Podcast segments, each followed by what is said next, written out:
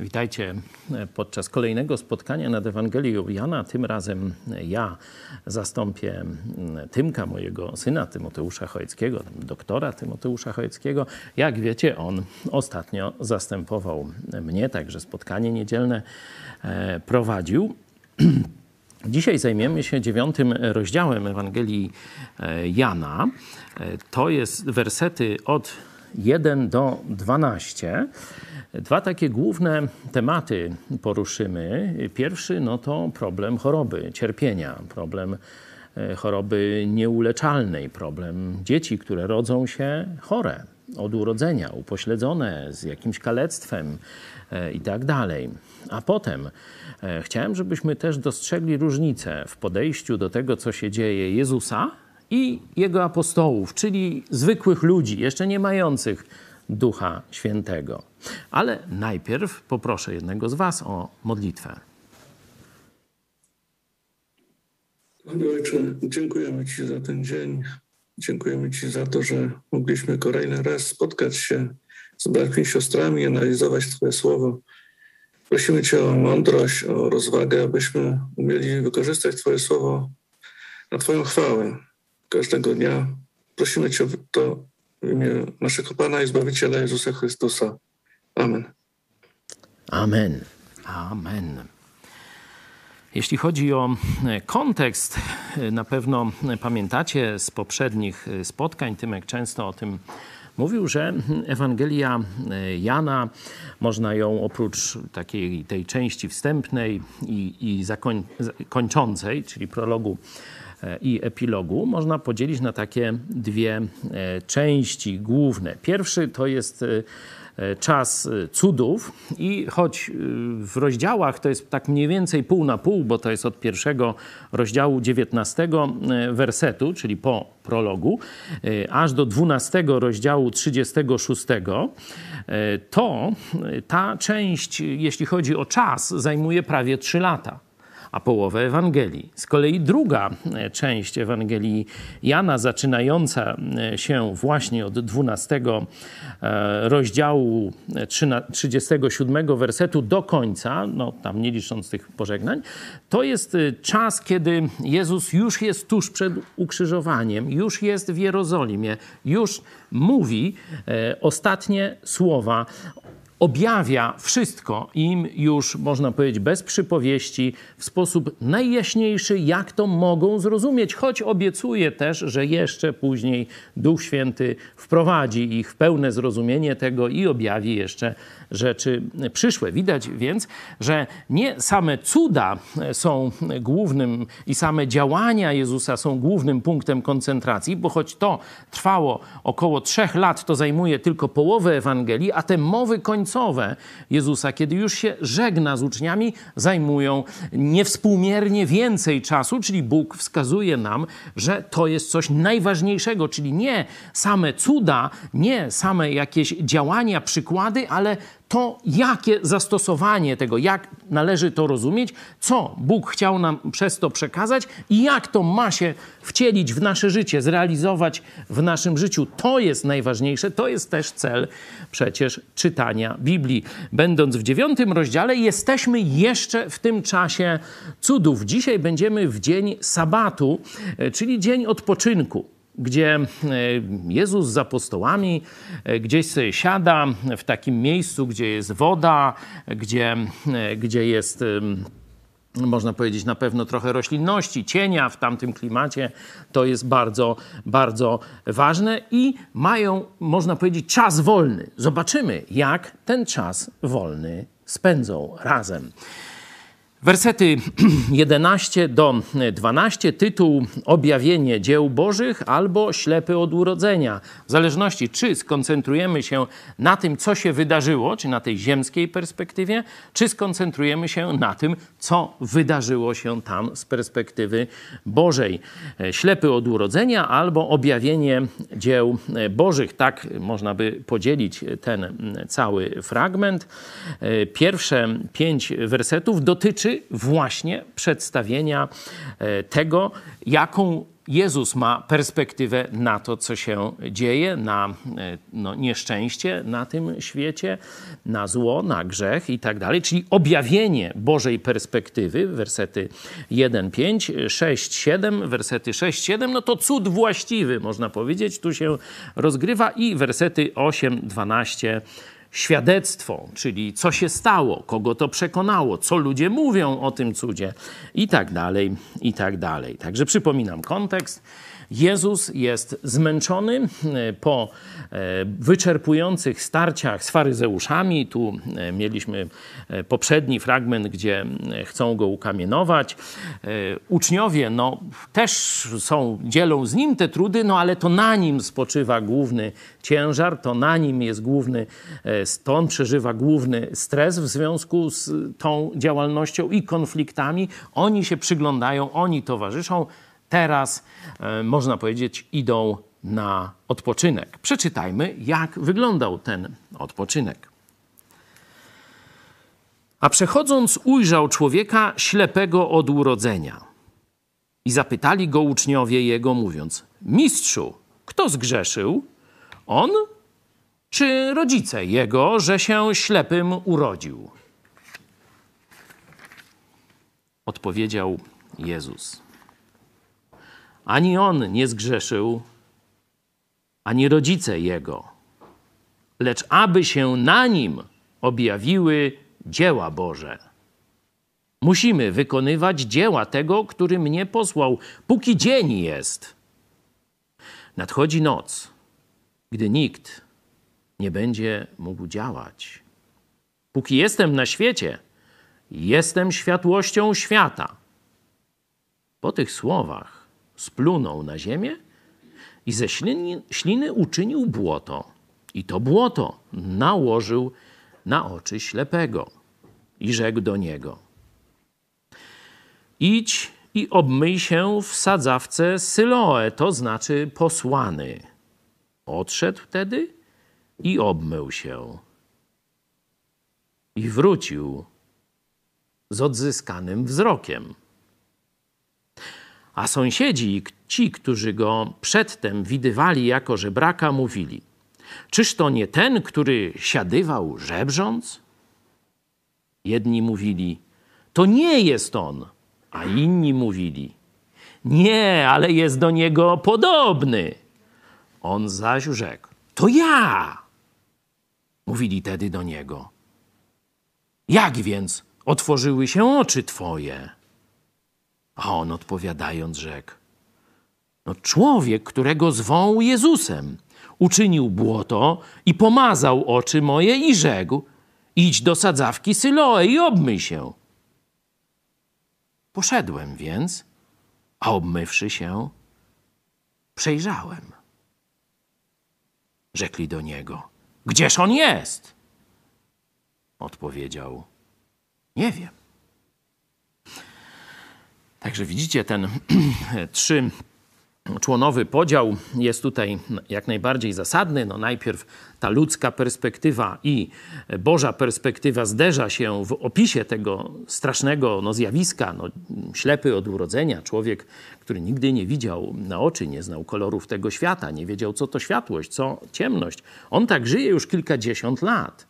No i tu uczniowie no, rozpoczynają taką teoretyczną dyskusję, no ale kto to zgrzeszył, czyja wina i tak dalej. No, no jak Jezus zareagował, przed chwiląśmy czytali, potem właśnie ten cud właściwy, szósty i siódmy werset, no i teraz reakcje, skutki.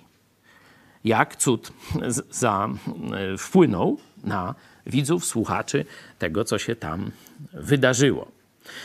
No, idźmy po kolei, czyli weźmy to, co e, może dla nas być takie no, mm, pouczające, bo tutaj najwięcej dowiemy się na temat problemu zła w świecie i budowy tego świata, czy, czy oceny tego świata z Bożej perspektywy. Problem cierpienia, problem choroby, Szczególnie kiedy to małe dzieci rodzą się właśnie, mówię, z chorobami, z upośledzeniami.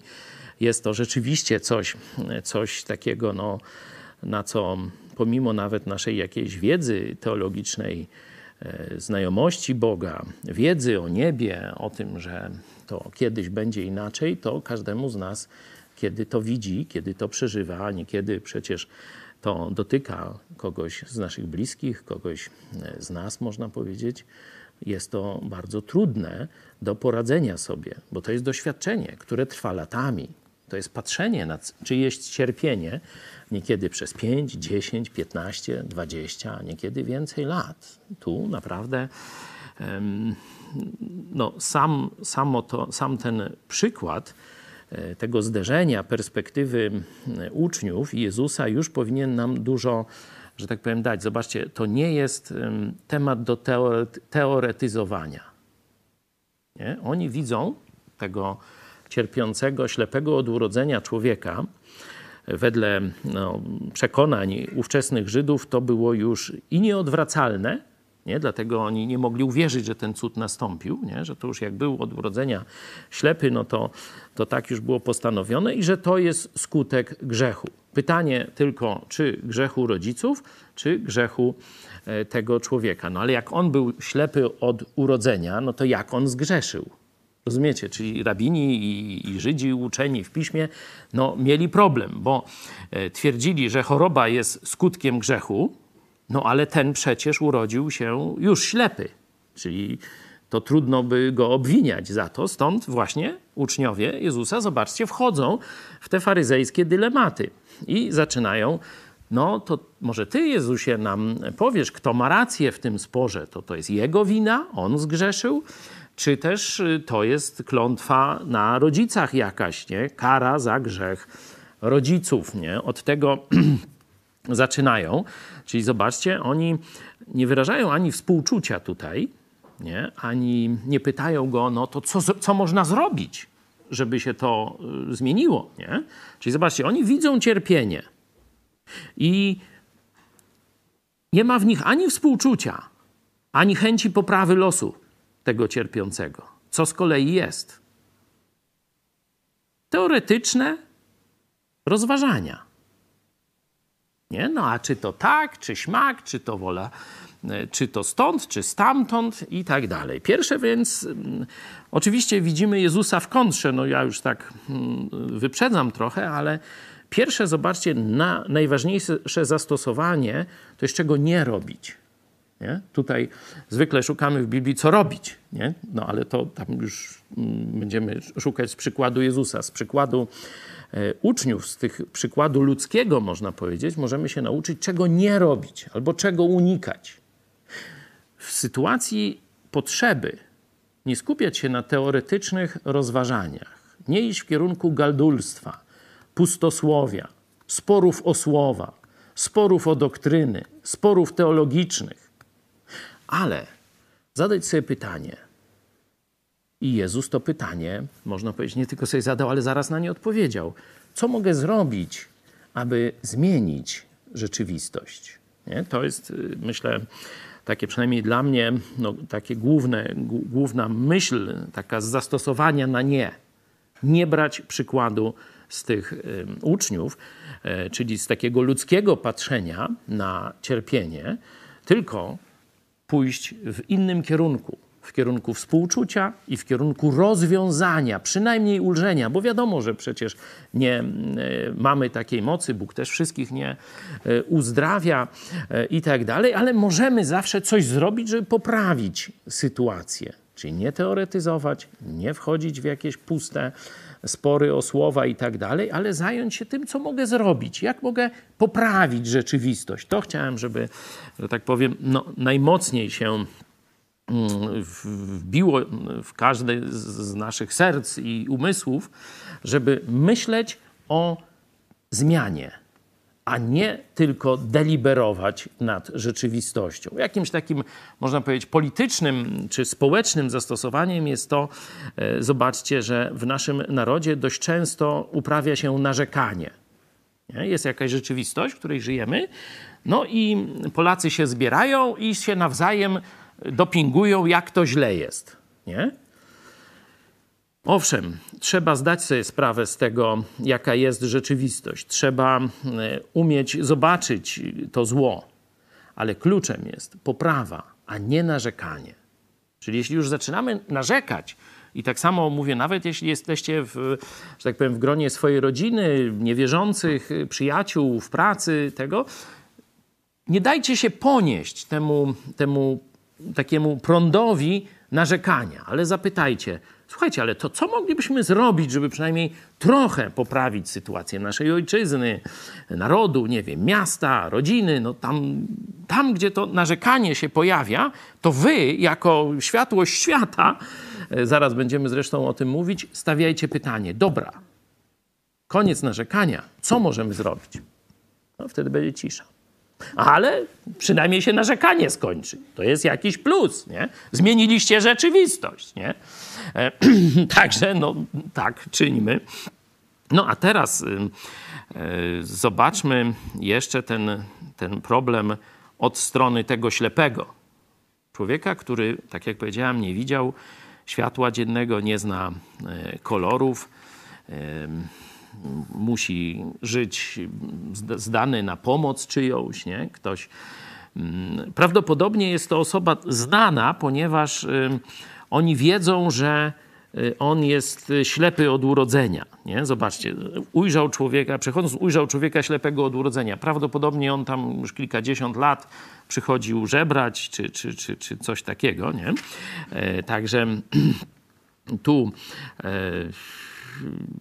spójrzmy na tę sytuację z jego perspektywy. Nie? On kilkadziesiąt lat, to może być 40, 50, może 30, nie wiemy e, dokładnie, ale długo. Nie? On nie widział, nie widział światła e, dziennego, jest skazany na, e, na pomoc innych, prawdopodobnie niekiedy jest obrażany czy, czy jakoś pogardzany przez, przez innych i tak dalej.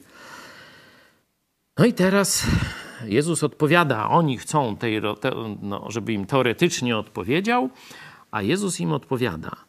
Ani on, trzeci werset, zobaczcie, twórzcie sobie, poproszę na nim. Ani on nie zgrzeszył, ani rodzice jego, lecz aby się na nim objawiły dzieła Boże.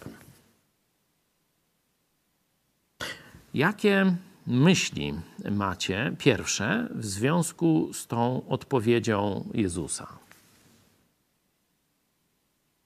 Proszę, kto, kto chętny, to niech się wypowie. Czy y, ta wypowiedź Jezusa jest dla Was satysfakcjonująca, czy też budzi jakieś wątpliwości, może jakiś sprzeciw? Jezus mówi, jak jest, mówi Bożą prawdę. Nie? Mówi Bożą odpowiedź na, na ten problem. No ale jak to na Was działa? Czy to Was przekonuje? Czy też wzbudza dalsze pytania lub jeszcze inne uczucia? Moje pierwsze skojarzenie jest takie, że to się wydaje trochę niesprawiedliwe, że dlaczego akurat na tym człowieku, dlaczego on musi cierpieć, żeby objawiły się na nim dzieła Boże. Amen. Mhm. Dzięki, dzięki za szczerość. E, rzeczywiście nie możemy, studiując Biblię, nie możemy uciekać od trudnych pytań. Nie, nie możemy sobie tylko tak, wiecie, ustawiać debaty, żeby ona była dla nas e, e, wygodna i łatwa do, do znalezienia odpowiedzi, czy, czy postawienia jakichś tam diagnoz i tak dalej. Tu rzeczywiście w większości z nas no, rodzi się to pytanie, no zaraz, to, to Bóg tego człowieka męczy chorobą, można powiedzieć, przez tam 30 czy 40 lat po to, żeby, żeby te dzieła Boże się okazały? Nie? Czy jeszcze jakieś myśli macie? Kto? No mnie się, mi się jeszcze takie pytanie nasuwa, no jeżeli on cierpiał tak, żeby się na nim objawiły te dzieła Boże, to czy jakaś nagroda go za to spotka? Mhm. Okej. Okay. Czyli co on z tego będzie miał, jak gdyby, tak? Nie? Czy, czy jest tu czy jakiś y, element sprawiedliwości, nie? No bo tu niesprawiedliwość, no to jak sprawiedliwość ma się e, pojawić w, w związku z tym, nie? Czy co by było tą sprawiedliwością, nie? Jeszcze?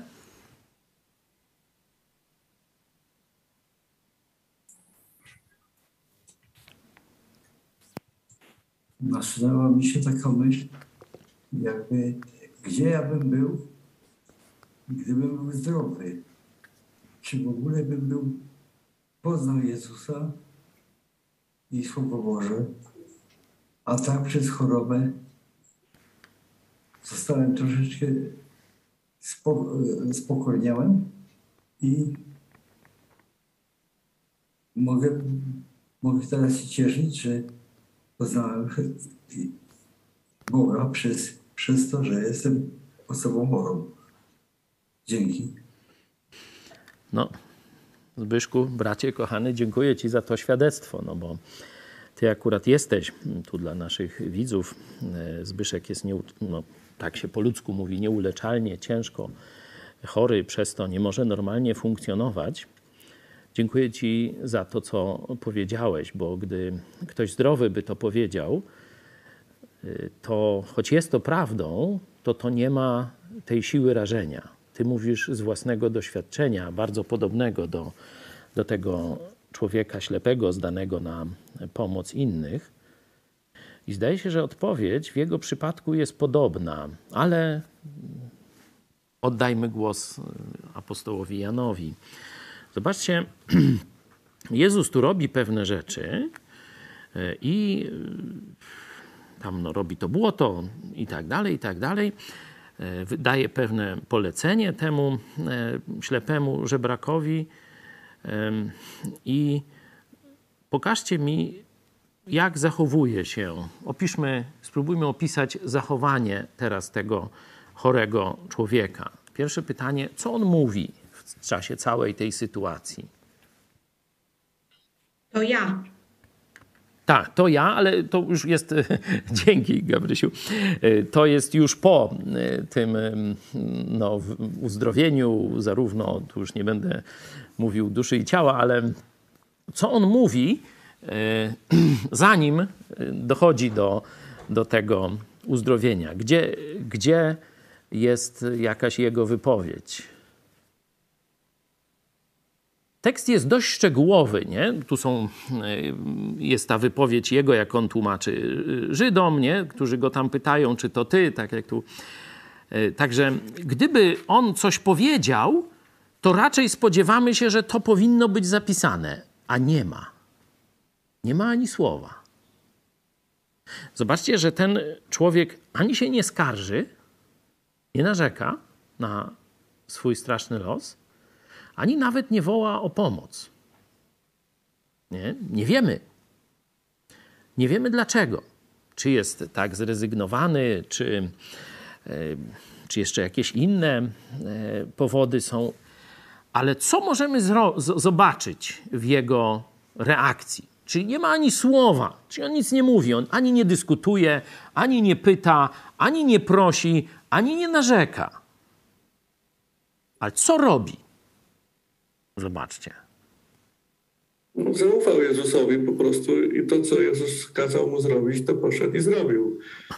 Y, Tak naprawdę to y, może tak mi przyszło do głowy, czy Jezus właśnie specjalnie zrobił tego symbolicznie, bo jako Bóg mógł go uzdrowić po prostu dotykając, a ponieważ y, zadał mu pewien, pewne zadanie, że miał iść tam i się obmyć, ten mu zaufał Jezusowi i poszedł, to zrobił.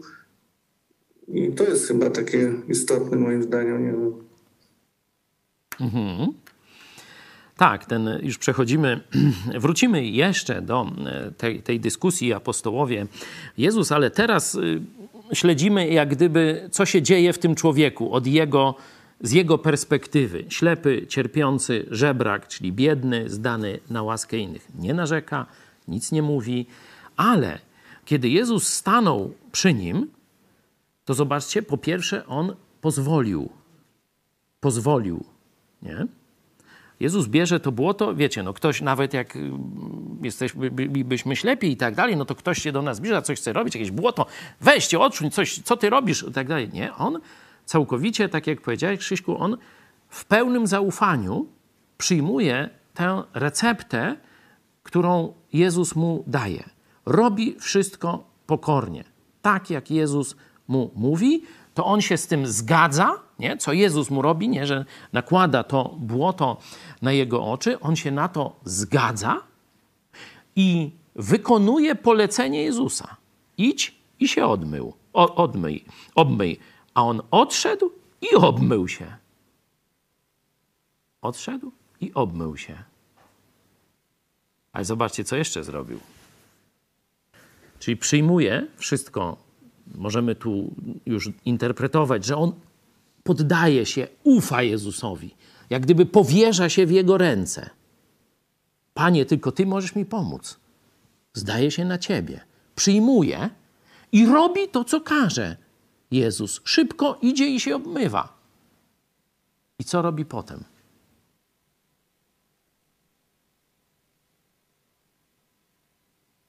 Wiemy, że Jezus wielu uzdrowił i nawet nie przyszli mu podziękować. Pomógł, wyleczył ich z takiej czy innej przypadłości, to niekiedy tam, wiecie, iluś tam uzdrowił, a jeden albo dwóch gdzieś przyszli podziękować. Nie różne takie historie są. Zobaczcie, on wraca do Jezusa z odzyskanym wzrokiem. Wraca do Jezusa, czyli chce podziękować. Wiemy też, że chce złożyć świadectwo, bo zaraz przejdziemy do tego trzeciego, e, trzeciej, trzeciej części, czyli reakcja na ten cud tam w te, we w te, tu już Gabrysia powiedziała, to ja! On składa świadectwo. Nie boi się, choć wie, że nastroje są przeciw Jezusowi. To on wraca do Jezusa i mówi: To on mi to zrobił. Składa świadectwo. Wraca do Jezusa, czyli chce iść za nim, można tak powiedzieć. Widzi, że to z nim jest, to on jest centrum tego dobra, którego doświadczył. Wraca i świadczy: To Jezus tego dokonał. No ale teraz wróćmy jeszcze do mm, naszych uczniów, do ich mm, perspektywy przeanalizowaliśmy, jak zachował się w całej tej sytuacji ten ślepy żebrak. Nie? W milczeniu przyjął to, co Jezus chciał mu zrobić, czyli przyjął pomoc od Jezusa i wykonał to, co Jezus nakazał. Nie? Poszedł i się obmył. I wrócił i złożył świadectwo tego, że został uzdrowiony. I w ten sposób przeanalizujmy, co robili uczniowie. Powiedziałam, jest dzień wolny. Jezus idzie z nimi w takie no, przyjemne miejsce, do jakiegoś ogrodu, jest y, woda świeża, to jest na tamtym terenie coś bardzo, bardzo ważnego. E, I y, Jezus jest zmęczony. Wiemy, że jest zmęczony po tych potyczkach z Żydami. No, zobaczcie, że y, chyba ci uczniowie nie są tak bardzo zmęczeni. Bo jak ktoś ma czas na pirożenie, no to chyba nie jest zmęczony. Nie? Czyli Jezus zmęczony, oni nie zmęczeni. No to zamiast się zająć sobą albo tam no, przynieść wody, jedzenia temu Jezusowi, no to oni jeszcze pirożą. Nie? A słuchaj, a to jakbyś ten problem rozwiązał tu teoretyczny i tak dalej, i tak dalej. Zero współczucia, zero jakiejś chęci działania, pirożenie, kotka za pomocą młotka i tak dalej. To jest yy, rzeczywiście coś mm, po, powszechnego w społeczeństwie. Gadać, nie robić. Zobaczcie z kolei, jaka jest, yy, że tak powiem, rola czy, czy aktywność Jezusa w tej historii. Po pierwsze, w trzecim wersecie zadaje kłam fałszywej teologii. Źle myślicie i źle żyjecie, bo żyjecie, zaczęliście od kłamstwa. Nie znacie prawdy. No bo zobaczcie, jeśli mamy przekonanie, że ta choroba jest karą za grzech, Czyli on zasłużył sprawiedliwie. Później jeszcze Szymon do tej sprawiedliwości, jakbym nie wrócił, to przypomnij, żebym, żebym jeszcze nawiązał do tego twojego pierwszego wrażenia. Oni myślą, no to już jak zgrzeszył, jest sprawiedliwa kara, no to co my się będziemy angażować? Co my będziemy pomagać? Co my będziemy współczuć? My możemy sobie podyskutować, My możemy myśleć, jak unikać takich tam ich, jego grzechów i tak dalej, nie? Ale zero współczucia, zero działania. Nie? Czyli pierwsze Jezus uderza w tę fałszywą teologię, bo właśnie z fałszywych myśli wyjdzie błędne działanie lub brak działania. Czyli jeśli będziesz miał siano w mózgu, to albo nie będziesz nic robił, albo będziesz głupio robił. Nie? No to takie pierwsze zastosowanie, żeby nie mieć siana w mózgu, nie? tylko żeby rzeczywiście e, moje myślenie było jak najbliżej Bożego myślenia. No, tam już, że tak powiem, droga jest dość prosta, no przez poznanie najpierw osobiste Jezusa Chrystusa, bo poznanie Boga jest początkiem wszelkiej mądrości, a potem poznanie Jego słowa, żeby wyzbyć się z błędów. Apostoł Paweł, tak na przykład Tymoteuszowi mówił, że po to zostało nam dane Słowo Boże, żebyśmy przestali błądzić, żebyśmy się poprawili, żebyśmy umieli odróżniać prawdę od fałszu, żebyśmy doskonalili się i coraz lepiej postępowali. Nie? Będziesz miał sieczkę w głowie, Twoje życie, Twój owoc życia będzie też tak jak mniej więcej po sieczkarni. Nie? Czyli jakiś bigos galimatias, nic specjalnego, żadnego kierunku i dobrego działania. Czyli pierwsza aktywność Jezusa to jest y, uderzenie w kłamstwo. To, że on zgrzeszył lub jego rodzice, to jest kłamstwo, to jest fałszywe zawężenie problemu. Że grzech to jest albo ty zgrzeszyłeś, albo twoi rodzice. To jest fałszywe zawężenie problemu. Tak, zdarza się, że z powodu grzechu rodziców, to na przykład pamiętacie e, syn e, Dawida, z tego grzechu z Betrzebą, nie? on rzeczywiście umarł. No, tak jest. Nie? Czyli to się zdarza. Ale nie każda śmierć dziecka czy choroba dziecka to jest skutek grzechu rodziców. Tu Jezus przekreśla ten automatyzm. Nie? Tu pokazuje, że jest przynajmniej jeszcze jedna możliwość, a być może jest więcej, nie? Tylko on, on mówi tu konkretnie, że tu ani on nie zgrzeszył, ani jego rodzice, tylko na nim ma się objawić E, dzieło, dzieła Boże. Na nim mają się objawić trzeci werset. Po to ta choroba, aby na nim się objawiły dzieła Boże. Czyli można powiedzieć, że Bóg dopuścił od urodzenia cierpienie tego najpierw dziecka ślepego, potem młodego chłopaka, który chciałby zagrać w piłkę, pójść na ryby i tak dalej. Nie mógł tego robić, bo nie widział ogromne cierpienie jego rodziców, którzy patrzyli na to swoje dziecko, które nie może się razem bawić, którego nie mogą pokazać mu, zobacz, o to jest żyrafa, a to małpa, a to lew, nie? Jakby poszli do zoo, znaczy oni zoo to mieli tam, y, nie trzeba było kupować biletów, wystarczyło się przejść nad Jordan, nie? I tam nawet później szybko się można było wycofać, y, jak to zdążył, nie? Y, z tego zoo, czy tam krówki, czy baranka mu pokazać, bo on nic nie widzi, nie? Czyli zobaczcie, ile cierpienia. Nie? Stąd to pytanie, e, czy to myślenie, to zaraz, no, ale gdzie tu Boża sprawiedliwość? Tyle cierpienia, zarówno tego dziecka, jego rodziców, dziadków, innych, żeby co? No właśnie, żeby co? Żeby objawić dobroć Boga? Najpierw zobaczmy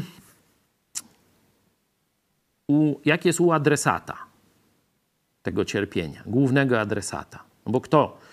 Ten człowiek. Nie? Bo wiadomo, jego rodzice być może już nie żyli w tym momencie, no, mieli, e, mieli cierpienie z powodu swojego dziecka, no ale jednak oni tam jakoś funkcjonowali, nie, nie byli e, niewidomi i tak dalej. To on był głównym obiektem tego cierpienia. No i teraz znajdźcie mi, znajdźcie mi słowo, pretensji.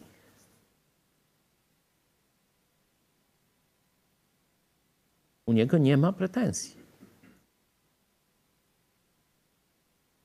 U niego nie ma ani słowa pretensji, czyli on, on nie mówi, Boże, to było niesprawiedliwe, że tu mnie 40 lat trzymasz niewidomym, a teraz łaskawie mi wreszcie przywróciłeś wzrok. Nie? Czyli zgadzamy się, że u niego nie ma tej pretensji no możemy sobie postawić pytanie: dlaczego? Tej pretensji nie ma, a raczej jest coś na, na kształt wdzięczności. Nie? Bo wraca i składa świadectwo. I o tym podyskutujmy sobie w grupach teraz. Podzielmy się na powiedzmy siedmioosobowe grupy, dajmy sobie siedem minut. Dlaczego nie widać pretensji u tego człowieka, który przecież mógłby te pretensje do Boga mieć? Dlaczego 40 lat byłem niewidomy?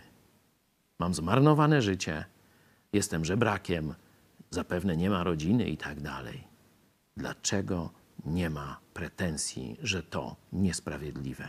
Widzimy się za 7 minut.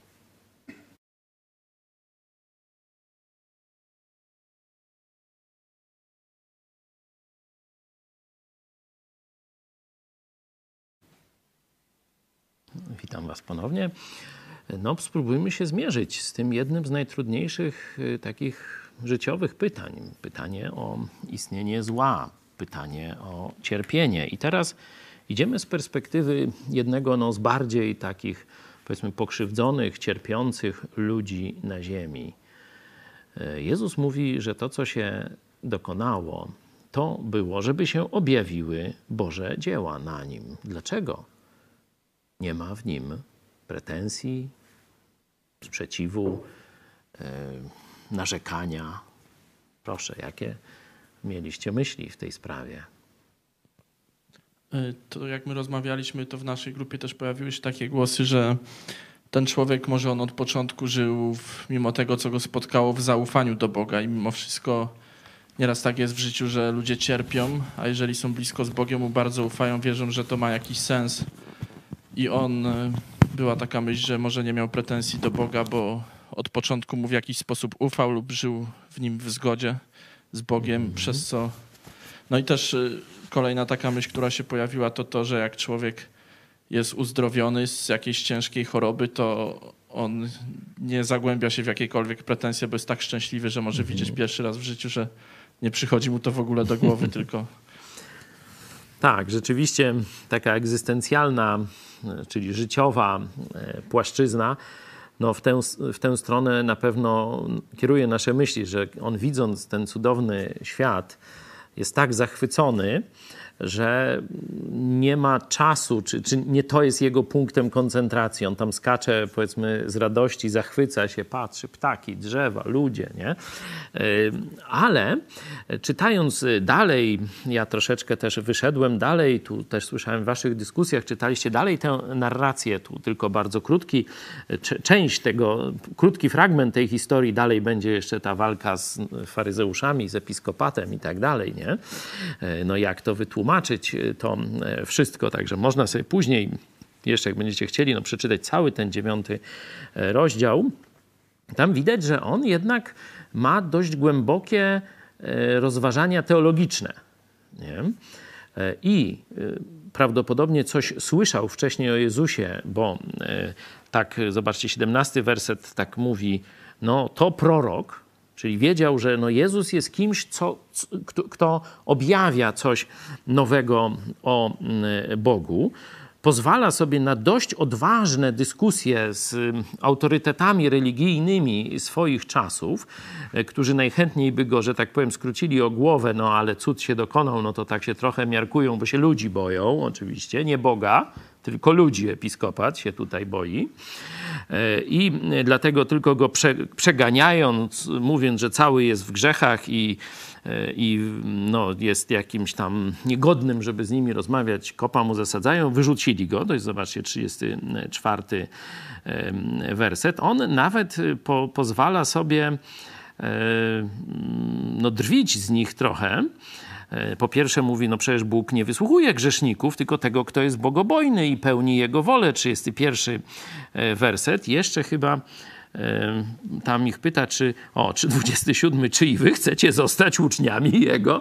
Naprawdę ma chłop poczucie humoru. Widać, że choć jest ślepy, to inne no, obszary jego funkcjonowania, jego mózgu są jak najbardziej e, w porządku i on pozwala sobie na ironię.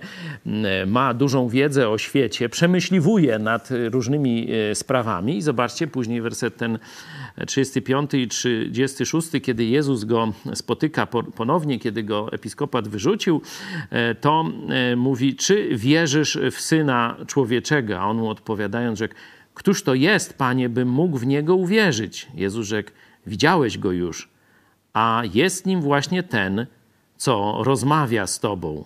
Ów rzekł: Wierzę, panie, i złożył mu pokłon.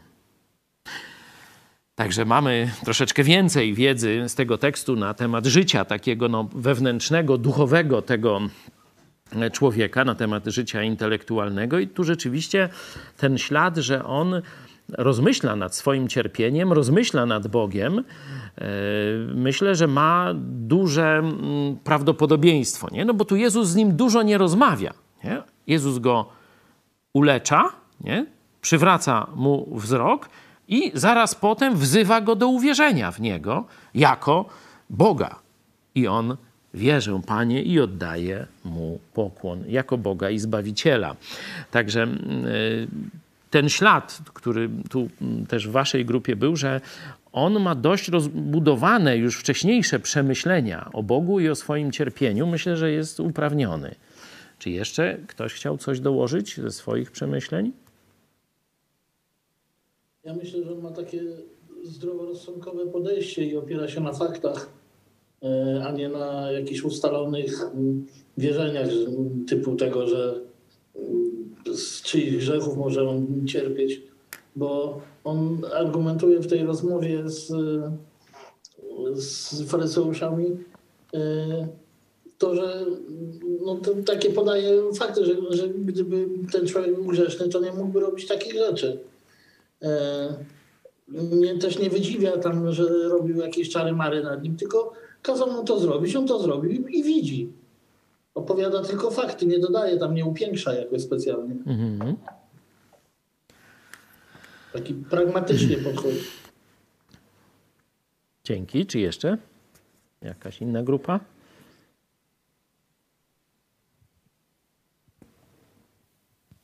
No to bo tam w dalszej narracji, no to już pod koniec rozmowy z tymi faryzeuszami, no to oni go ocenili, y, w sensie, że, że jest grzesznikiem po prostu, tak mhm. w dumie i w pysze swojej. Natomiast no, Jezus jako Bóg, no to był tym, który się do niego przyznawał, nie? Mhm. Oni go wyrzucili, a Jezus go uleczył. Mhm. Dzięki. Też myślę teraz tak że tak naprawdę ten człowiek y, tak naprawdę niczego podczas spotkania z Jezusem nie, nie stracił, tylko zyskał. On tak naprawdę, że był ślepy od urodzenia, to tak naprawdę nie miał świadomości, czym jest wzrok. I szczerze, on tylko zyskał, pozyskując wzrok, miał za to Bogu dziękować, bo go odzyskał ten wzrok. Mhm. Także to jest taka okoliczność, że, że on tylko podczas tego zmysł zyskał. I tu mi się jeszcze coś takiego skojarzyło, że tak samo jak my przed nowym, nowym narodzeniem byliśmy ślepi duchowo, no nie mogliśmy mieć pretensji z tego tytułu do Boga, że byliśmy ślepi duchowo. To dopiero jak zanurzyliśmy się w Jezusie Chrystusie, no to jesteśmy tacy bardziej świadomi duchowo. Mhm. Może być taka analogia jeszcze.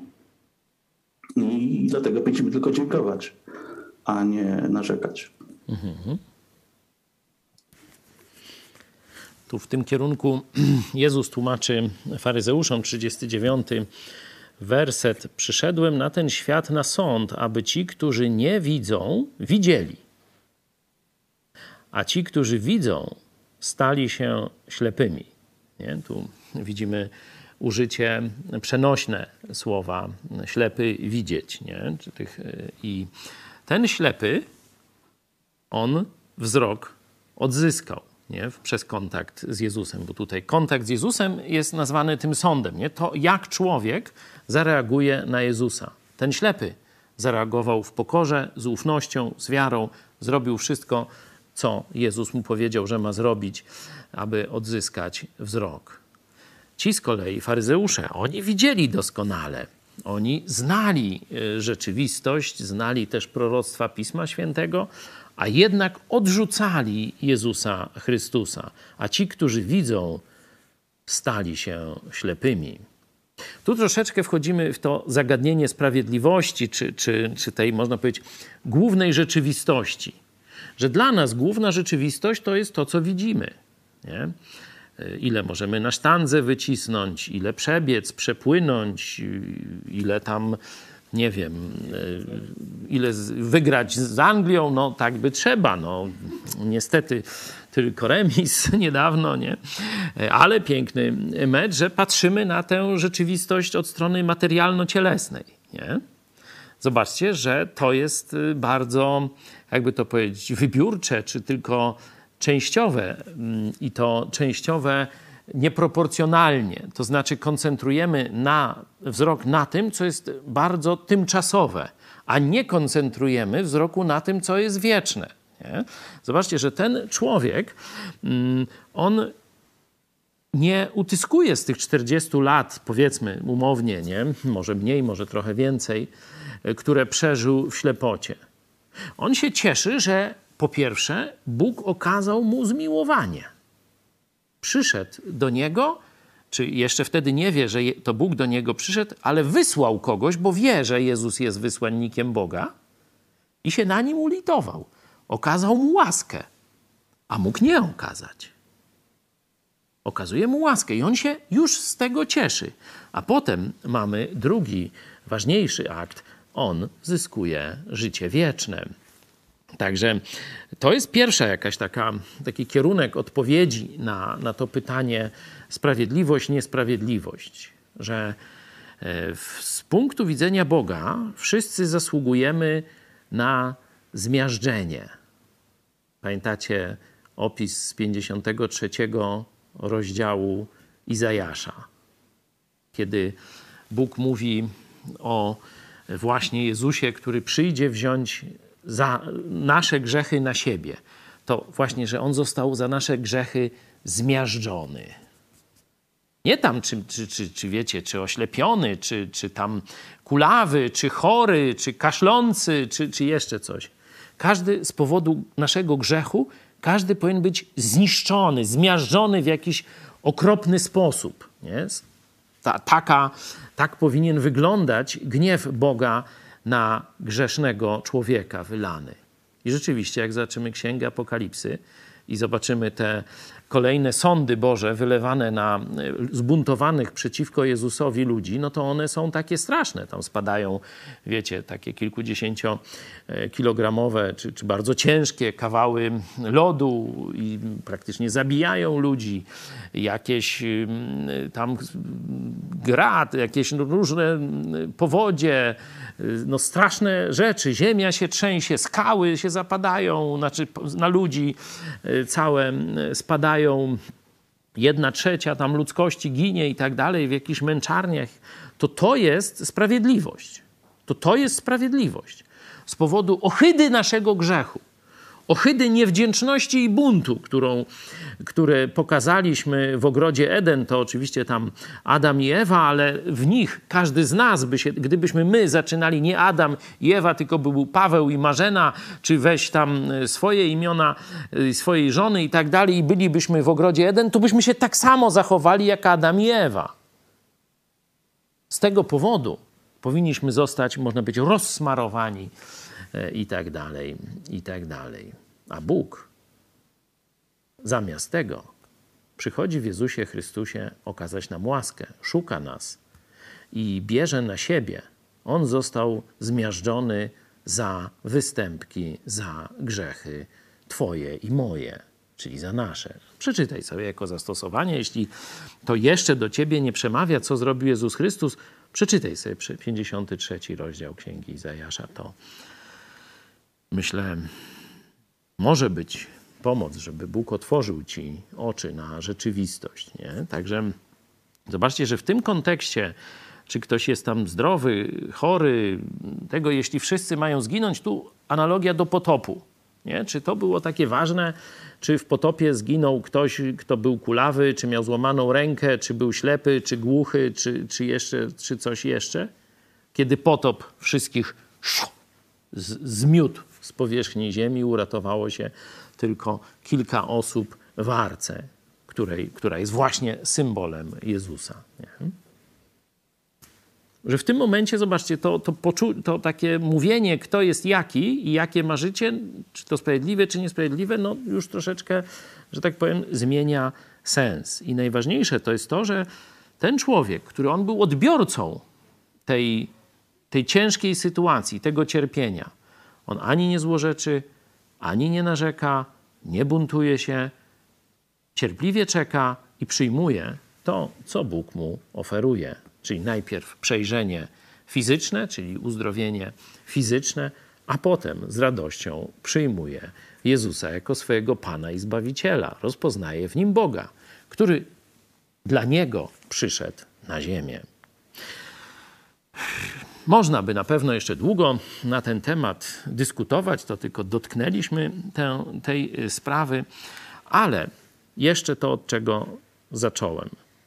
Jezus po pierwsze prostuje fałszywe myślenie, bo trzeba poznać prawdę, żeby dobrze. I teraz pytanie, dobrze co? Zobaczcie sobie werset trzeci i werset czwarty. Jakie słowo związane z Bogiem pojawia się w obydwu tych wersetach?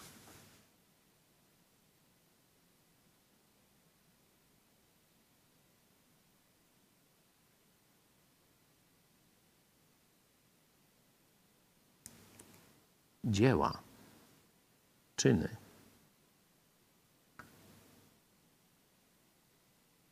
Ludzie chcieli deliberować teoretycznie o rozwiązaniu problemu, czy, znaczy nie o rozwiązaniu, tylko o przyczynach i tak dalej. Bez współczucia, bez zaangażowania się w poprawę. Jezus, kiedy wchodzi na scenę, prostuje kłamstwo i bierze się do dzieła. No jeśli on ma być dla nas wzorem, to to powinno uosabiać nasze życie. Prostować kłamstwa i czynić, działać, angażować się, zmieniać rzeczywistość, a nie narzekać, kontestować czy filozofować. Oczywiście nie jestem przeciwko filozofom i tak dalej. W pewnym zakresie to jest potrzebne dla lepszego zrozumienia, czyli do punktu pierwszego. Ale nie można ograniczyć się tylko na mówieniu, czy na e, dyskutowaniu, czy na pokazywaniu jakichś pomysłów, czy teologii i tak dalej. My musimy, że tak powiem, zagłębić się w życie ludzi. My musimy wejść pośród nich, my musimy stanąć obok i wskazać im drogę. To jest nasze zadanie jako chrześcijan. Warto, warto o tym pamiętać i na koniec jeszcze zwróćmy uwagę z tej pierwszej części, jaką Jezus przedstawia motywację. Dlaczego trzeba się tak angażować w działanie i dlaczego trzeba się szybko angażować w wykonywanie Bożej woli. Zobaczcie werset czwarty, czwarty i piąty. Musimy wykonywać dzieła tego, który mnie posłał póki dzień jest, nadchodzi noc, gdy nikt nie będzie mógł działać. Póki jestem na świecie, jestem światłością świata. No, o czym tu Jezus mówi? Dlaczego mamy się spieszyć z realizacją woli Boga? Jakie są wasze, wasze odczytanie tego fragmentu tej, tej myśli Jezusa.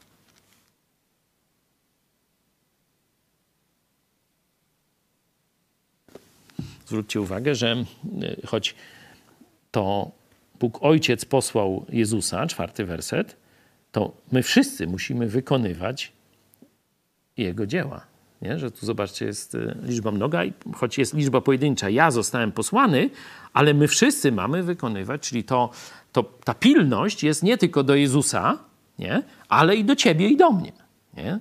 Dlaczego mamy się spieszyć, żeby jeszcze jednego uratować? Tu oczywiście analogia do tego filmu. Jak to? Przełęcz? Przełęcz ocalonych. Dokładnie. Haxel Ridge, czy jakoś tak? Mhm. ponieważ jest czas łaski. Jest czas łaski, ale ten czas łaski się kiedyś skończy. Nie? Że to, to jest ograniczony czas, jaki mamy. On się może dla nas skończyć na dwa sposoby. Pierwszy, no to tak jak y, powiedziałeś, czas łaski się kiedyś skończy przyjściem po nas Jezusa Chrystusa, czyli porwaniem Kościoła przed tym okresem wylania gniewu Bożego, czyli przed okresem ucisku albo okresem, czasem apokalipsy. Nie? Czy wtedy się skończy czas, który dzisiaj mamy, żeby komuś pokazać zbawienie z łaski za darmo w Jezusie Chrystusie? Druga, e, druga sprawa, no to z nami może się coś stać. Nie? Możemy stracić mowę, stracić możliwość y, robienia czegoś, nie? Albo możemy po prostu umrzeć. To się naprawdę może zdarzyć. Nie? No i wtedy dla nas możliwość działania dla Boga się skończy. Nie? Ale tu jest też jeszcze inna perspektywa pokazana. Zobaczcie, nadchodzi noc. Coś złego, coś ciemnego. Nie? Coś, co nam uniemożliwi działanie takie, jakie możemy dziś, za dnia, tu korzystając z tej analogii, realizować. No i teraz, jakie to może mieć dla nas e, zastosowanie? Zobaczcie, że apostołowie tutaj nie komentują tego, oni, wiesz, prawdopodobnie no, takich trochę wow, to my tutaj chcemy deliberować jak faryzeusze tam, czy z tego końca, czy z tamtego zacząć, a Jezus tu mówi, że to w ogóle nie o to chodzi, idzie w innym kierunku i tak dalej. Oni siedzą cicho tutaj, praktycznie w całej tej e, historii. Widzimy tutaj Jezusa, który tłumaczy pewne rzeczy. Oni tylko głupotą się popisali w wersecie e, drugim, zresztą, jak to się mówi, nie pierwszy raz. Kiedy apostoł Paweł, zobaczmy list do Efezjan, już mówi z perspektywy otrzymania Ducha Świętego o przyszłości, zobaczmy, otwórzmy list do Efezjan, piąty rozdział, wersety od 15 do 17.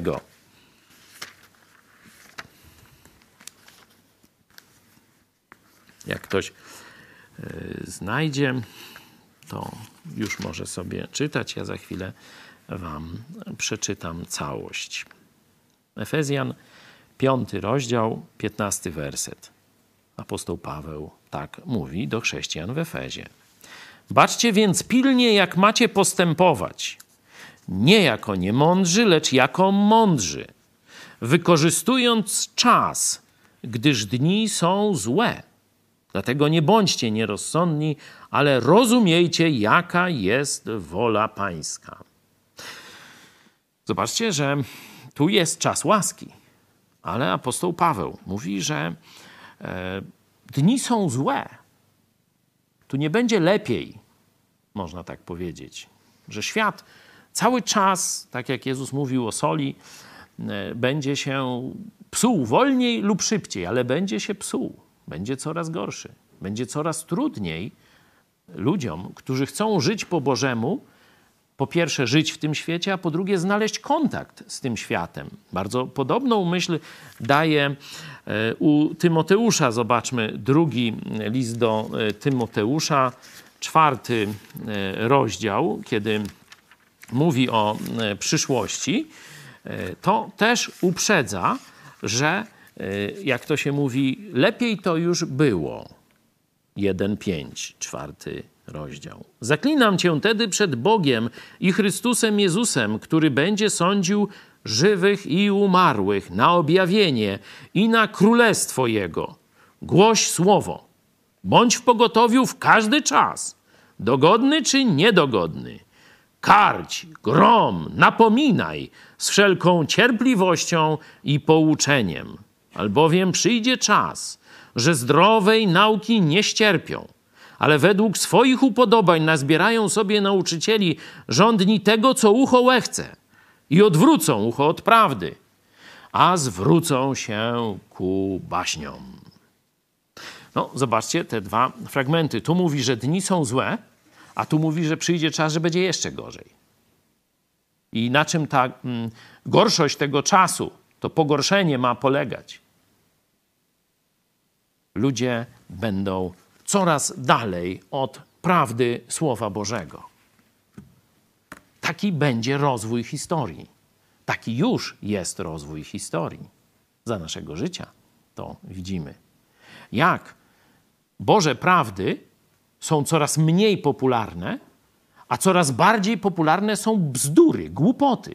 Szczególnie, no to już nie będziemy teraz w socjologię się bawić, ale można porównywać tu zmiany pokoleniowe, co zresztą się dzieje.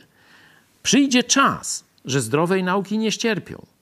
Czyli ty bądź w pogotowiu teraz, teraz działaj, a nie planuj, że za 30 lat, czy za 15 lat, czy za 5 lat, to ty się wtedy tak zaangażujesz dla Jezusa, że tylko wióry będą leciały. To dziś masz czas na zaangażowanie. Nie wiesz, czy będzie jutro. A na pewno możesz wiedzieć, że jak będziesz zwlekał, to każdego dnia ktoś odejdzie, kto nie usłyszał Ewangelii, a każdego miesiąca czy roku nastrój, można powiedzieć, w świecie będzie coraz bardziej przeciwny Ewangelii Jezusa Chrystusa. Dlatego musimy się spieszyć. Musimy dziś zrobić coś wielkiego, a nie marzyć i snuć jakieś wizje, co będzie za 30 czy ileś lat. To dzisiaj jest czas na zaangażowanie, to dzisiaj jest czas na zmianę, to dzisiaj jest czas na powiedzenie Ewangelii komuś bliskiemu lub nieznajomemu. Apostołowie chcieli deliberować, no, jakie są tam ciekawostki biblijne, jakie Jezus ma poglądy i tak dalej, i tak dalej. A Jezus wziął się do dzieła. Jezus zrobił to, czego nikt inny zrobić nie może. Zobaczcie, że my jesteśmy nazwani przez samego Jezusa Chrystusa światłością świata. Możemy sobie otworzyć Ewangelię e, Mateusza, piąty rozdział.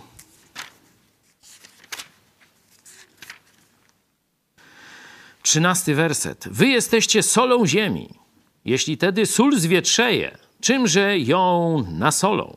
Na nic więcej już się nie przyda, tylko aby była precz wyrzucona, przez ludzi podeptana. Wy jesteście światłością świata. Nie może się ukryć miasto położone na górze. Nie zapalają też świecy i nie stawiają jej pod korcem, lecz na świeczniku i świeci wszystkim, którzy są w domu. Tak niechaj świeci wasza światłość przed ludźmi, aby widzieli wasze dobre uczynki i chwalili Ojca waszego, który jest w niebie. A potem w ósmym e, rozdziale e, tej samej Ewangelii, zobaczmy 21 werset, tam do niego przychodzą kandydaci na uczniów. A drugi z uczniów rzekł do niego: Panie, pozwól mi wpierw odejść i pogrzebać ojca mego. Ale Jezus rzekł mu: Pójdź za mną, a umarli niechaj grzebią umarłych swoich. To jest nasza rola, wyjątkowa. My, dzięki Jezusowi, dzięki temu, że nas zbawił, że mieszka w nas, jesteśmy światłością świata. Możemy wskazywać drogę. Możemy mówić, jak człowiek może być zbawiony. To możemy zrobić tylko my. Dlatego Jezus, kiedy jeden z tych kandydatów na uczniów pyta: No dobra, ja wiem, że chcesz, żebym głosił Ewangelię, różne takie rzeczy robił, ale przecież no to trzeba załatwić, tamto zrobić, tu i tak dalej. Są rzeczy, które mogą zrobić ludzie duchowo ślepi. Owszem, możesz je robić, ale zawsze się zastanów, czy w tej chwili nie masz okazji zrobić czegoś, co możesz tylko ty zrobić. Człowiek, który przejrzał dzięki Jezusowi na oczy. Jakie więc są Twoje wybory w życiu? Na czym się koncentrujesz? Co jest Twoim marzeniem? Co jest Twoją taką, takim poczuciem pilności? Jeśli widzisz drugiego człowieka, to jaką masz, masz myśl pierwszą? Powiedzieć mu Ewangelię o darmowym zbawieniu, żeby uratować jeszcze jednego. Jeśli tego nie masz, no to zapewne nie idziesz za Jezusem Chrystusem. Nie mówię, że nie jesteś zbawiony, ale nie idziesz dziś za Jezusem Chrystusem. Nie pełnisz Jego woli. Nie myślisz Jego sprawami, Jego słowem. Myślisz po ziemsku, myślisz po światowemu, tak się mówi językiem chrześcijan. Myślisz jak ci apostołowie, którzy nie widzieli prawdziwego Bożego zaangażowania, tylko chcieli jakieś jałowe dysputy toczyć. Myślisz jak umarły, dlatego zacznij myśleć jak żywy, a nie jak umarły, bo jesteś żywy. Mówię do tych, którzy narodzili się na nowo. Ja powoli chciałem kończyć. Jeśli macie wy jeszcze jakieś, jakieś myśli, to no może jeszcze jedna myśl. Tu w notatkach Tymka e, widzę e, te reakcje na cud. Wielu mówi, no a gdyby tak, Jezus teraz przyszedł i pierdyknął w te y, w Pałac Kultury na przykład, to cała Warszawa by się nawróciła. Albo w, jakąś, w jakieś inne opatrzności czy coś, nie? No zobaczcie, tu widzieli cud, którego od, tam, czekaj, mm, jak tam jest, pomóżcie mi, że to nikt nie widział takiego cudu. Mm, tam ten tłumaczy, ten uzdrowiony. 32 werset. Odkąd świat światem, czyli od niepamiętnych czasów, nie słyszano, żeby ktoś otworzył, otworzył oczy ślepo narodzonego. Nie? Czyli tam pierdyknąć Pałac Kultury to, że tak powiem, e, pryszcz w porównaniu z tym, co tu się stało. I co? Nawrócili się wszyscy? Jedni mówili, e, panie, to pewnie się komu przywidziało, niemożliwe i tak dalej. To nie ten, to podobny do niego. Nie? Przywódcy religijni nie mogli zaprzeczyć tym faktom, ale i tak nie poszli za Jezusem. Stąd Jezus właśnie podsumował. A gdy to przyszedłem na ten świat, na sąd, aby ci, którzy nie widzą, widzieli, a ci, którzy widzą, stali się ślepymi. A gdy to usłyszeli ci faryzeusze, którzy z nim byli, rzekli mu: Czy i my ślepi jesteśmy? Rzekł im Jezus: Gdybyście byli ślepi, nie mielibyście grzechu. A że teraz mówicie, widzimy, przeto pozostajecie w grzechu. Cuda niektórym mogą pomóc. Cuda niektórym mogą wskazać drogę do Jezusa, ale cuda nie przekonają wszystkich. O tym trzeba pamiętać i trzeba też pamiętać, że to nie cuda zmieniły wieczne przeznaczenie tego człowieka. On doświadczył cudu od takiego, którego świat nie widział. Ale czy został przez to zbawiony? Nie. To dopiero drugi kontakt z Jezusem, już teraz można powiedzieć poza sceną tego całego, tej wrzawy i tego tumultu, no, może nie tumultu, ale takiego no, sensacji, zbiegowiska, co to się stało, to dopiero wtedy Jezus mówi, czy wierzysz w Syna Człowieczego? To jest jeden z mesjańskich tytułów. Czy wierzysz w Mesjasza? On mówi, no pewnie, żebym chętnie uwierzył, ale, ale gdzie on jest? Kim jest Mesjasz? Właśnie z tobą rozmawia. Można to dzisiaj parafrazować.